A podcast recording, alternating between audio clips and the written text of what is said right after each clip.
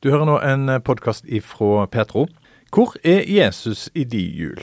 Ja, Dette spørsmålet stiller Trond Albert Skjelbred i dagens podkast. For Jesus er viktig for Trond Albert Skjelbred. Han jobber som konsulent og partner i PR-firmaet April i Bergen.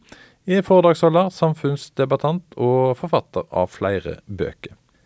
Hvor ble det av Jesus? Dette var overskriften på et debattinnlegg som han hadde i Bergens Tidende påsken 2019.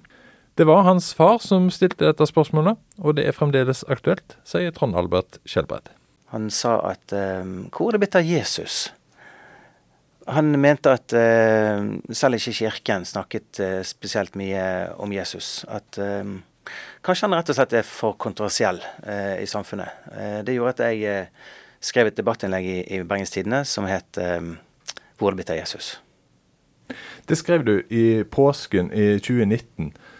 Har du eh, fått svar på spørsmålet ditt Nå, eh, noen år etterpå? For min egen del er i hvert fall eh, Jesus eh, og troen generelt sett blitt viktigere for hvert eneste år. Eh, kanskje spesielt de siste ti årene. Jeg har blitt eldre. Eh, klokere, forhåpentligvis. Og det er mange, mange, ulike ting som gjør at for meg har Jesus og troen blitt mye viktigere. Så får jo eh, hver person gjøre sine valg. Vi er utrolig heldige i Norge som bor i et fritt samfunn. Vi kan tro på akkurat det vi vil. Jeg har valgt å tro på Jesus. Du, du er jo eh, jobber med kommunikasjon og, og, kan dette med å kommunisere og bruke ord. Du sa det at du ble eh, klokere med alderen. Stemmer det? Eller er det bare en sånn ting vi sier til eldre vi blir, at vi, vi blir klokere med alderen? Det er jo nesten matematikk i mitt hode. Du får mer erfaring. Og eh, det er kanskje de tingene du gjør feil i livet du lærer mest av. Og Jo eldre du blir, jo flere feil gjør du. Eh, så hvis du tenker sånn, så, så, blir man jo klokere. Jeg tror alle, mange har en, en klok eh, bestefar eller bestemor som de er veldig glad i. Og de har eh, levd et langt liv og har sett mye. Og eh, vårt samfunn er kanskje ikke så opptatt, eller verdsetter så mye den kompetansen som eldre mennesker har. Den klokskapen. Så eh, jeg håper jo, og jeg tror at næringslivet eh, ser mer til, eller verdsetter den verdien mer, nemlig alder, enn man historisk sett har gjort. Jeg tror man blir klokere. Ja, hva, er det? hva vil det si å være klok? Altså, Hvor, hvor går grensa på at du er klok? Det ene er jo at man er god å lytte. Skal du eh, lære en annen person noe som helst, så må du vite hvor den personen er. Og du kan ikke vite hvor den personen er uten å stille spørsmål. Så det å stille spørsmål, det å tåle stillhet, ikke fylle hvert rom med ord, det er en god start. Er det noe som eh, kan trenes, eller er det medfødt? Det kan trenes. Jeg eh, har nok blitt bedre å lytte med årene. Um, fordi at um, jeg ser at det er viktig. Uh, altså det å være nysgjerrig på andre mennesker. Uh, hvis du er det, så, så, lærer du veldig mye. Så jeg um, Jeg tror jeg er blitt mye, mye bedre med det med årene. Tror du de rundt deg, for du er jo far til tre og, og gift, tror du de rundt deg uh, er enig med deg? De opplever nok meg som engasjert. Jeg er en engasjert eh, person. Um, men jeg, eh, jeg, stiller spørsmål med ting. Og utfordrer.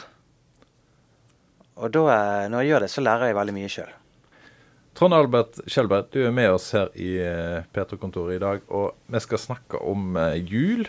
Eh, hvor ble det av Jesus? er et tema vi skal innom. Det er et spørsmål du har stilt, og vi skal innom det. For Jesus er jo for kristne veldig veldig viktig når det er jul. Det er jo derfor vi feirer jul, at eh, Guds sønn kom til jord. Men hvor langt ut forbi Menighets-Norge må en gå før at eh, Eller kanskje det er allerede innenfor Menighets-Norge. At eh, det er mange andre ting som er viktig i jula. Kanskje viktigere. Det ble veldig tydelig for oss, eller i hvert fall for meg, i 2016 fordi at det var et vennepar av oss som flyttet til Istanbul. Eh, de tok med seg fire barn og var i Istanbul og skulle være der på, i, på ubestemt tid. Da skal vi til Tyrkia? Vi skal til Tyrkia. De var der i Det ble vel fire år til slutt. Men iallfall så reiste vi ned der i romjul, eller ikke romjul, uken før jul i 2016 var det en uke. Det var jo ikke ett juletre å se. Ingen nisser. Og det var vanvittig deilig. Rett og slett. Det, de feirer jo ikke De har iallfall ikke nissefokus i, i, i Istanbul. Og det var heller ikke noe jeg savnet. Og eh, det som ble resultatet, eller ett av resultatene, var det at i ettertid av det så har jo ikke vi hatt juletre hjemme på julaften. Hvorfor ikke det? sant? Altså Det er jo ikke noe sånn veldig statement, egentlig. Vi skal ha juletre i år. Men eh, det var ikke noe eh, I hvert fall ikke vi, i hvert fall ikke jeg, eh, savnet. Uh, så er det andre i familien som har juletre, så du får jo nok juletrær. Uh, det, er ikke det, og du får nok uh, pepperkaker og presanger og, alt mulig. Men akkurat du, må jo stort sett nesten ingenting. Vi, vi legger altfor høy list, vi mennesker, sånn at julen rett og slett blir et stressmoment. Noe du kanskje rett og slett gruer deg til. Eh, litt som å gå i Legoland med dine barn på fem og åtte år eh, i 25-30 graders varme og mye køer og sånn. Du må jo ikke reise til Legoland.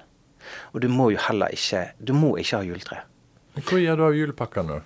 De må jo ligge under treet? Eh, ikke under treet, de kan ligge foran peisen eller et annet sted. Så det går helt fint. Og du kan jo ha en julegran, altså en liten sånn her på 50 cm, holdt på å si. Og så rett og slett eh, hadde vi litt mer fokus, spesielt da i begynnelsen der, kanskje på, eh, på Bibelen. Eh, at vi eh, fokuserte litt mer på det. Fordi at Så det kan skje et ekteskap òg. At ekteskapet til slutt blir eh, at du blir norgesmester i logistikk. Kjører barna dine til fotballtrening, eh, håndballtrening og alt mulig greier. Og så glemmer du hvorfor du egentlig er gift. Kjærligheten. Gnisten. Den spenningen som gjorde at du ble forelsket i hun du er gift med. Det kan skje i et ekteskap, at, du, at den gnisten forsvinner fordi livet blir logistikk og blir, og blir kjedelig. Eh, det kan skje med jul og, eh, din tro. Eh, forholdet til Gud. Det blir forutsigbart, kjedelig, uspennende. Noe pliktløp. Og for å vekke deg sjøl litt, så kan du gjøre noen grep. Som f.eks. ta bort juletreet. Hva skjer da? Vedder på at Hvis du sier at du kommer til å gjøre det hjemme, det kan bli ramaskrik eh, i nabolaget hvis du nevner herlighet, jeg har tatt vekk juletreet, hva blir det neste? Men hvis du stiller spørsmålet tilbake til de da, hvor, eh, hvor Jesus i din jul? Da kvepper de kanskje litt. For det, det, husker de kanskje fra de var små. At det var noe eneste Jesus, ja. Det var noe med Bibel og, og noe med Hvordan var han født i påsken? Han ble født i jul? Hvordan var dette greiene? Har ikke peiling. Det er et mye større problem enn at juletreet mangler. Vi fyller med jula med så mange ting som er blitt tradisjoner, da, at uh, selve julebudskapet sliter med å finne plass? Ja, det, det tror ikke vi nesten trenger å diskutere engang. Det har blitt uh, fokus på stort sett alt annet enn uh, enn julens egentlige budskap. Det har nesten vært spennende å ta fem på gaten på det. hvorfor feirer vi jul? Og hvilke svar du da eh, måtte fått rundt omkring i Norges land. Nå, om fem år, om ti år og om 20 år. Men nå er du midt i livet. Eh, hva er grunnen, tror du, til at, eh, med erfaringen du har, at vi er kommet der? Nei, altså, Dette venneparet som jeg nevnte i sted, som flyttet til Tyrkia, Istanbul, reiste jo dit bl.a. fordi Tyrkia er et spennende land. Det er en sånn smeltedigel mellom øst og vest. De bodde i den asiatiske delen av, av Tyrkia. Det første du, spørsmålet du får når du flytter dit, er jo eh, hvordan går det med troen din? Hva er du opptatt av? I, Norge blir du nesten sett på som litt rar hvis du snakker om tro. Fordi vi skjuler troen vår langt, langt inne i hjertet. Noen, ingen må jo se det. I hvert fall ikke arbeidsgiver. Og tenk hvis kollegene vet at du er kristen. Eller kundene dine.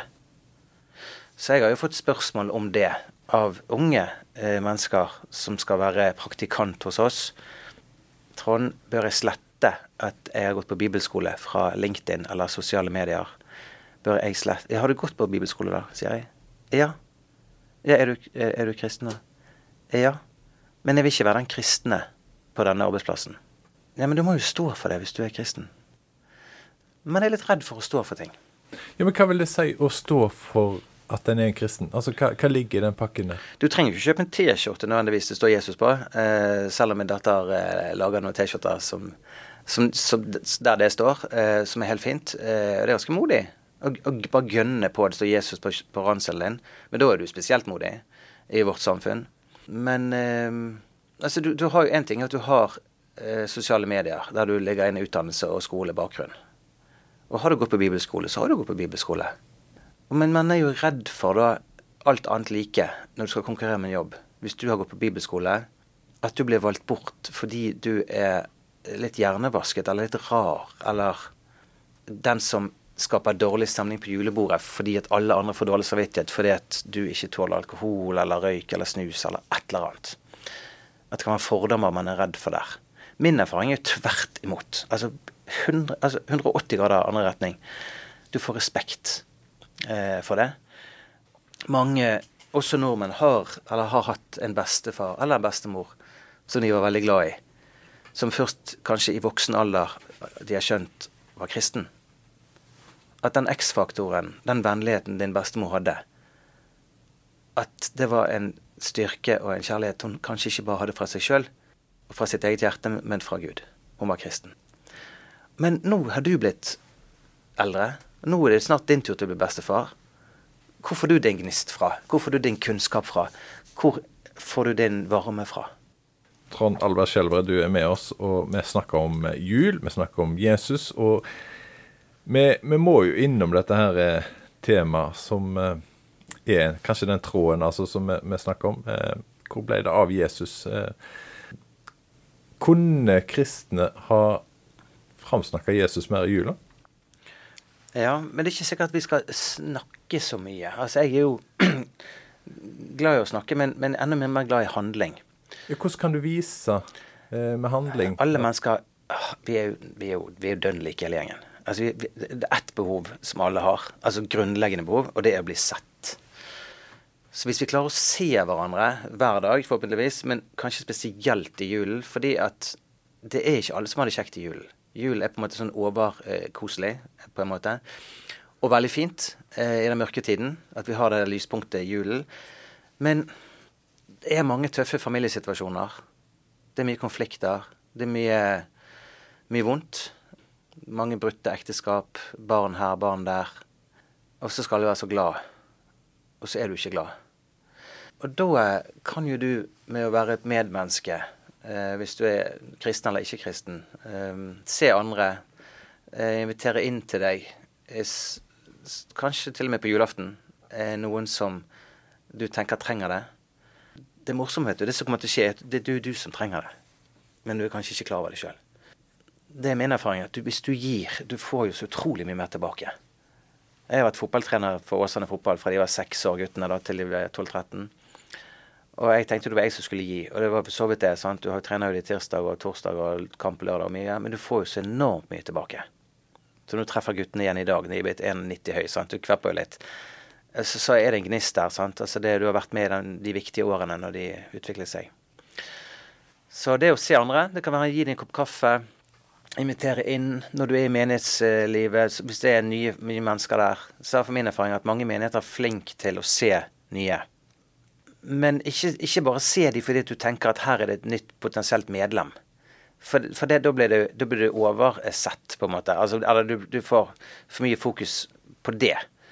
Um, hvis, du merker jo også med en gang hvis folk ikke mener det. Hvis ikke de er hyggelige av en, at de rett og slett kommer fra hjertet. Så det må være ekte. Invitere inn, vær nysgjerrig. Still spørsmål. Vær en god kristen i den forstand at um, du ikke er dømmende og eh, rett og slett være vennlig. Et vennlig ord. Kanskje det er det eneste vennlige ordet den personen får den dagen, er det du sa. Men når du var fotballtrener for disse guttene her, hvordan ville du at de skulle merke at du var en kristen? Altså, jeg eh, jo, stilte jo krav til de. Så når jeg kom på trening, og hvis ikke de si, jublet når jeg kom, så fikk jo de eh, no, samlet gjengen. Folkens, altså nå er jo jeg kommet. Vi må jo, sant. Vi må jo være glad jeg, men, men så, jeg var jo sikkert sånn sjøl som barn òg, at jeg, jeg, tok jo treneren for gitt. Det gjør jo alle barn. Alle barn tar jo alt, alle som er rundt dem, for gitt. Spillerlederen får jo ikke lønn. Fotballtreneren får ikke lønn. Håndballtreneren får ikke lønn. De har jo jobb ved siden av. Og, og så får ikke tid til å spise middag engang før de skal på trening. Og gjør en kjempeinnsats og får kanskje ikke et smil av de de trener, eller et takk. Du kan ikke forvente det av et barn, for de, de, de, de, tror Jeg vet ikke hva de tror, egentlig, men de tar det i hvert fall for gitt.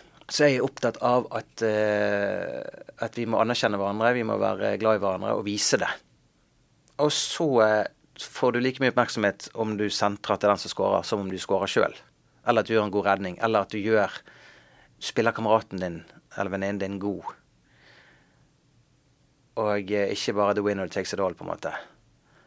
Og hvis vi også kan, vi som er trenere kan lære foreldrene, kanskje spesielt fedrene, å stille litt mer intelligente spørsmål når barna kommer hjem etter en fotballkamp og en trening. For det vanlige spørsmålet er, typisk fra far, er skårte du mål? Hva med han gutten som aldri skårer mål, da? Vant dere? Har det noe å si? Om du vant kampen? Så det mest eh, intelligente kommentaren jeg har fått, tror jeg, som fotballtrener, det, det fikk jeg fra han som trener A-laget til Åsane i dag, Morten Røsland, som er nabo. Når gutten var sånn elleve år, så sa jeg til han at jeg traff henne med postkassen. Ja, vi skal jo til Norway Cup. Så til Norway Cup! Drit i fotball. Kos dere. Det er tidenes råd. For du skal altså spille tre kamper før du eventuelt går videre til A- eller B-sluttspill. Det er jo kanskje tidenes opplevelse for disse guttene. 11 år, 12 år, 13 år. Men hvis du tapper kampen 1-0, da? Var det da eh, tidenes skuffelse? Det er jo ikke det. For de er jo interessert i vanvittig mye mer enn fotball. Så det å kanskje bidra til å, litt fugleperspektiv og det er jo det kanskje en kristen kan gjøre. At man inspirerer kollegaer på jobben eller naboer til å se utover om den plenen er klippet eller ikke, men litt det store bildet. Og kanskje stille spørsmål og få mennesker rundt det til å reflektere, fremfor å fortelle de fasiten. For det er ingen som vil høre fasiten. Alle ønsker å resonnere sjøl. Så litt sånn som Sokrates gjorde. Han stilte jo spørsmål. Men når du møter mennesker eh, Vi snakket jo litt tidligere her om, eh, om, dette her med at en ønsker å ta vekk kristne aktiviteter på CV-en, for en har ikke lyst til å bli den kristne. Vi, vi omgås, omgås, veldig mye mennesker på fritid. Og det er der å komme i den situasjonen at vi er litt på defensiven med, med trua vår. For da er det jo ikke lett å høre på andre hvis du er på defensiven sjøl. Nei, du må gjøre litt sånn som eh Kronprins Haakon gjorde med, Mette, nei, med sin søster eh, Mette Louise for ti år siden. Eh, da innførte han et nytt ord i Norge, nemlig fremsnakking. Så han sa jeg vil rett og slett fremsnakke min søster. For da fikk hun relativt mye kritikk for engleskoler og alt mulig som hun holdt på med. Eh, men han er og var glad i sin søster, så han ville fremsnakke hun. Og det må ikke du være redd for. Ta tak. Stå for noe. Fremsnakk noe du syns er bra. Så jeg opplever det daglig, eh, det du sier nå, nemlig det at mennesker som jeg liker veldig godt, eller som har en X-faktor, en utstråling eller et eller annet Jeg har ikke reflektert over om de er kristne eller ikke, for det, det gjør jeg egentlig ikke. Eh, men så var jeg på et arrangement eh, oppe i regi av Hauge Business Network og snakket om tro i arbeid. Og Der treffer jeg en som jobber i næringslivet, som jeg har hatt møter med tidligere. Der oppe. Så, er, er, er, du her? Er du kristen, sier jeg. Ja. Jeg hadde ingen anelse om det. Så det er nok mange som er kristne, men som ikke gjør særlig nummer ut av det. sant? Er det en god ting, eller en dårlig ting? Jeg syns egentlig det er en god ting. Uh, Hva er grunnen til det? Du skal ikke skryte av at du har fått en Altså, det å være kristen, det er en gave. Altså, det er rett og slett en gave. Og hvorfor fikk du den gaven? Altså, du har tatt imot noe. Du har tatt imot noe du ikke fortjener. Og hvorfor fikk du det? Kanskje det var en bestemor eller en bestefar, eller kanskje det en du har hørt på radio over tid. Eh, Øyvind Brakvatne, som har denne serien 'Veien gjennom Bibelen', som eh, han sjøl sier har, han, er veldig, han, er jo død, da, men, men døde for 25 år siden. Men han er veldig ydmyk når han sier at, at han er glad for at han har hørt at folk har blitt frelst etter å ha hørt på den serien hans, som er ca. 2500 podkaster, der han går rett og slett gjennom hver eneste bok i Bibelen. Eller Ola Bjoland, 'Vindu mot livet', heter vel hans serie der. Kloke, kloke mennesker som deler tanker på en ydmyk måte. For min del jeg har alltid følt meg sterk. Alltid følt meg trygg. Fra jeg var liten. I fjor høst sa jeg til min kone at uh, sa akkurat det til hun. Jeg har jo alltid trodd at det kom fra meg sjøl. Altså i At det ligger i blodet. Men eh, så sa jeg til henne at nå har jeg jo skjønt at det kommer fra Gud. Jeg har jo en mor som ber for meg hver eneste dag, og en far. Og eh, søsken og eh, bestemor og kone. Og, og faktisk også barn. Det er klart at det gir deg en styrke. Jeg, jeg satt på en, en kaffebar i Bergen for en måned siden, eller halvannen måned siden, med en veldig fin utrolig smart kar. Eh, som har gjort det veldig bra. Eh, holdt på å si i livet og næringslivet og alt som er. Eh, jeg visste at han var kristen. Og så hadde jeg hørt eh, på godeste Ola Bjorland eh, om 'Vindu mot livet', som er en kristen mann og døde i 2002. Eh, en podkast med han der han stilte spørsmål rundt troslivet. Det han reagerte på at det er et spørsmål som han knapt nok hadde fått i sitt kristne liv. Så jeg spurte denne unge mannen nei, hva går det med jeg sa, jeg sa, I dag hørte jeg et spørsmål som jeg kanskje tror at du heller aldri har fått. Eh, ja, hva er det for noe, da? Nei, følgende. Sitter du godt? Ja da. Ok, hold deg fast. Hvordan går det med troslivet ditt? Oi!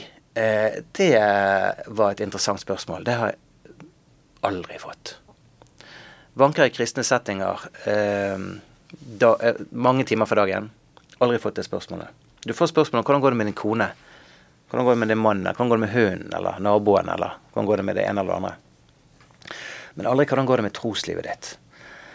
Så han sa det er stabilt, det er trygt, litt kjedelig. Og hvorfor det, sier han. Det er fordi jeg mangler dybde i troslivet. Der menigheten han er eh, engasjert i, der går det mange på møter, og, eh, men de snakker mest om livet. Utfordringer i livet. For livet er nå jaggu meg tøft nok for de fleste av oss. Det går ikke rett frem.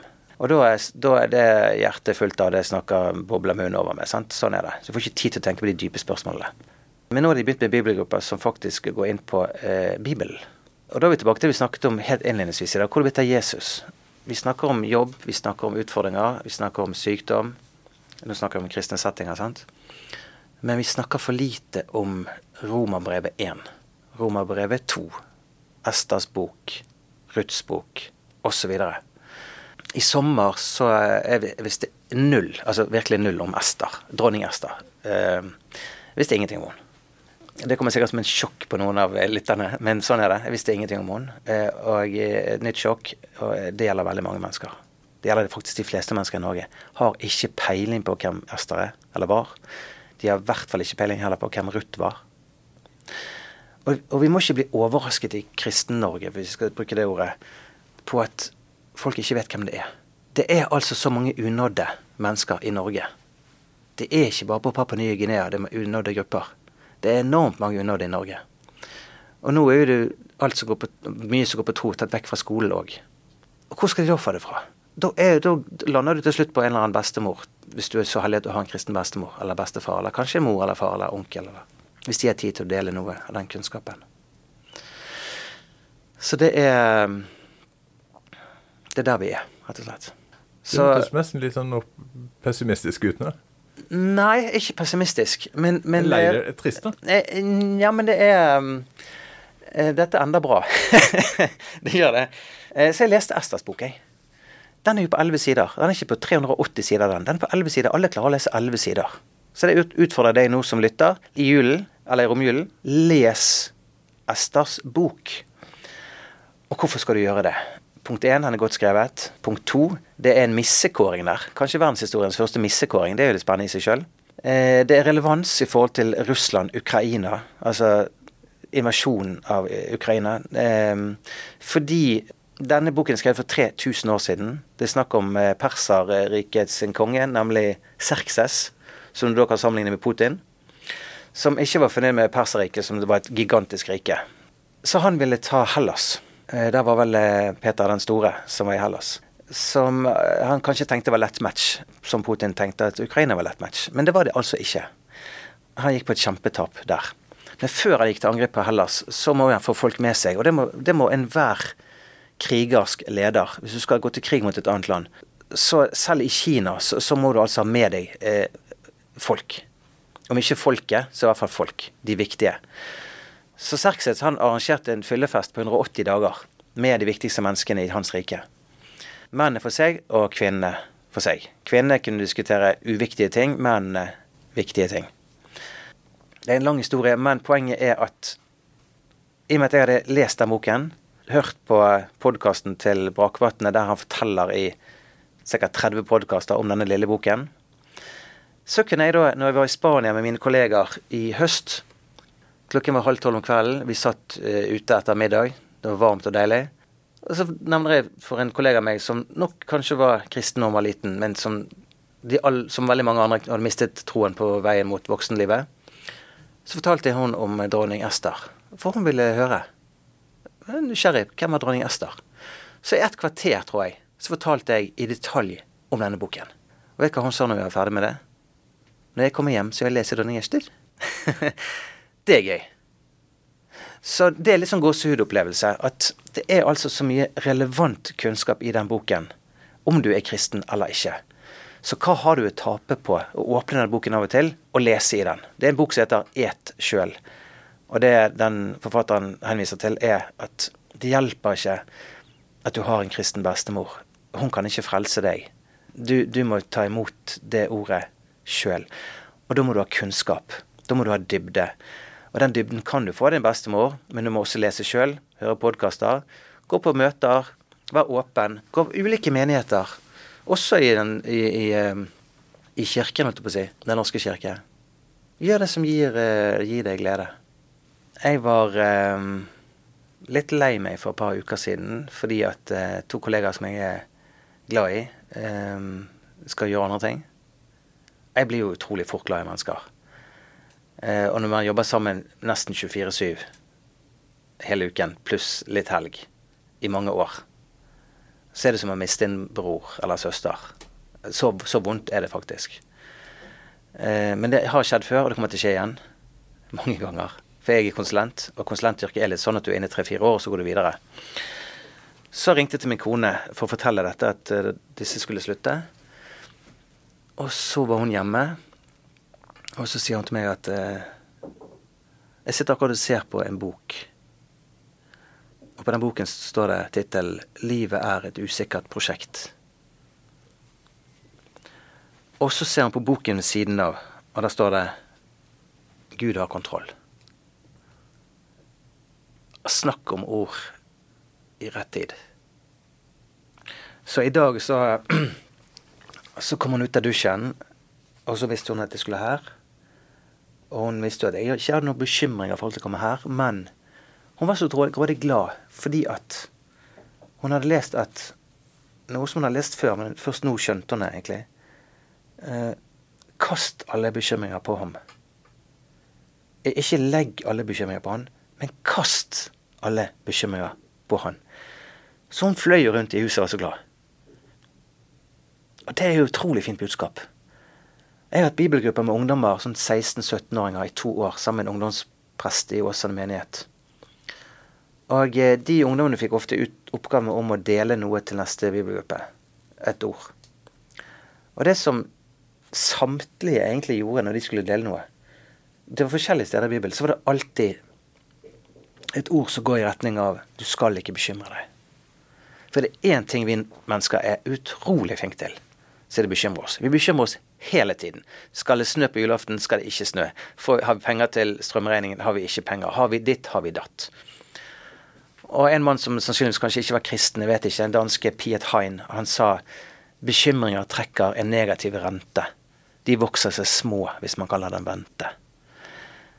Så hvis vi kan bli litt flinkere til å tenke litt mindre på alt vi bekymrer oss over, og heller være litt mer glad så er det et godt stykke på veien, altså. Og der har jo Gud et godt budskap til oss. At det er ikke gjerningene våre som, eh, som på en måte redder oss. Det er på en måte en, en tro på Jesus som har tatt på seg våre skyldnere for oss. Uten at vi har fortjent det. Vi har ikke gjort noe for det. Men vi har tatt imot det budskapet. Og hold deg fast, det er ikke noe du trenger å ta imot. Du velger det. Du kan si ja, og du kan si nei det er opp til deg. Nå jobber du med kommunikasjon i et firma som heter April PR. Ja, Sånn som du ser det, trenger, trenger en eh, PR-rådgivere for å selge budskapet om Jesus eh, i Norge? Du trenger å være tydelig i kommunikasjonen din. Å være ærlig. Å være modig. Og så får du bruke eventuelt de rådgiverne du måtte ønske, om de kaller seg det ene eller det andre. Men eh, det å nå frem med et budskap er jo ikke så enkelt. Vi blir overøst av budskap hver eneste dag. Betalte budskap, ikke betalte budskap. Så når du går hjem i kveld og tenker på hva husker du av alt du har blitt utsatt for i dag, så er det ikke mye som står igjen. Men kanskje du husker at det var to karer som snakket om hvor har det blitt av Jesus i julen. Og hvis du tar med deg det, så er det i hvert fall noe. Men Hvis du hadde fått eh, masse ressurser eh, og fikk muligheten til å fortelle andre om hvem er Jesus denne jula her, eh, hva, hvordan ville du gjort det? Generelt er det vel sånn at din ko, hvis, hvis dine barn har det bra, så er din kone fornøyd. Og hvis din kone er fornøyd, så har du det fantastisk. Så det å gjøre ting for barna er noe som treffer alle. For gjør du noe for barn, så treffer du foreldrene, du treffer besteforeldrene, du treffer absolutt alle.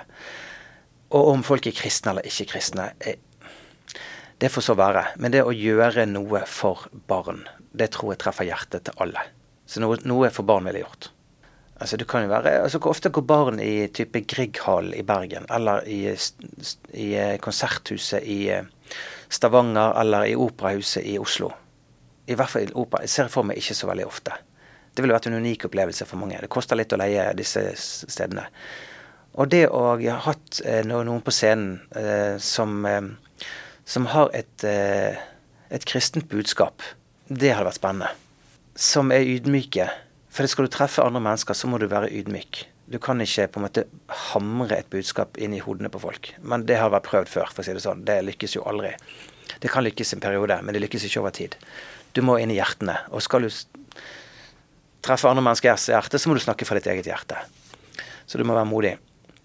Så det er lagd et, et opplegg for, eh, for barn som eh, eh, om, om i dette tilfellet julens budskap.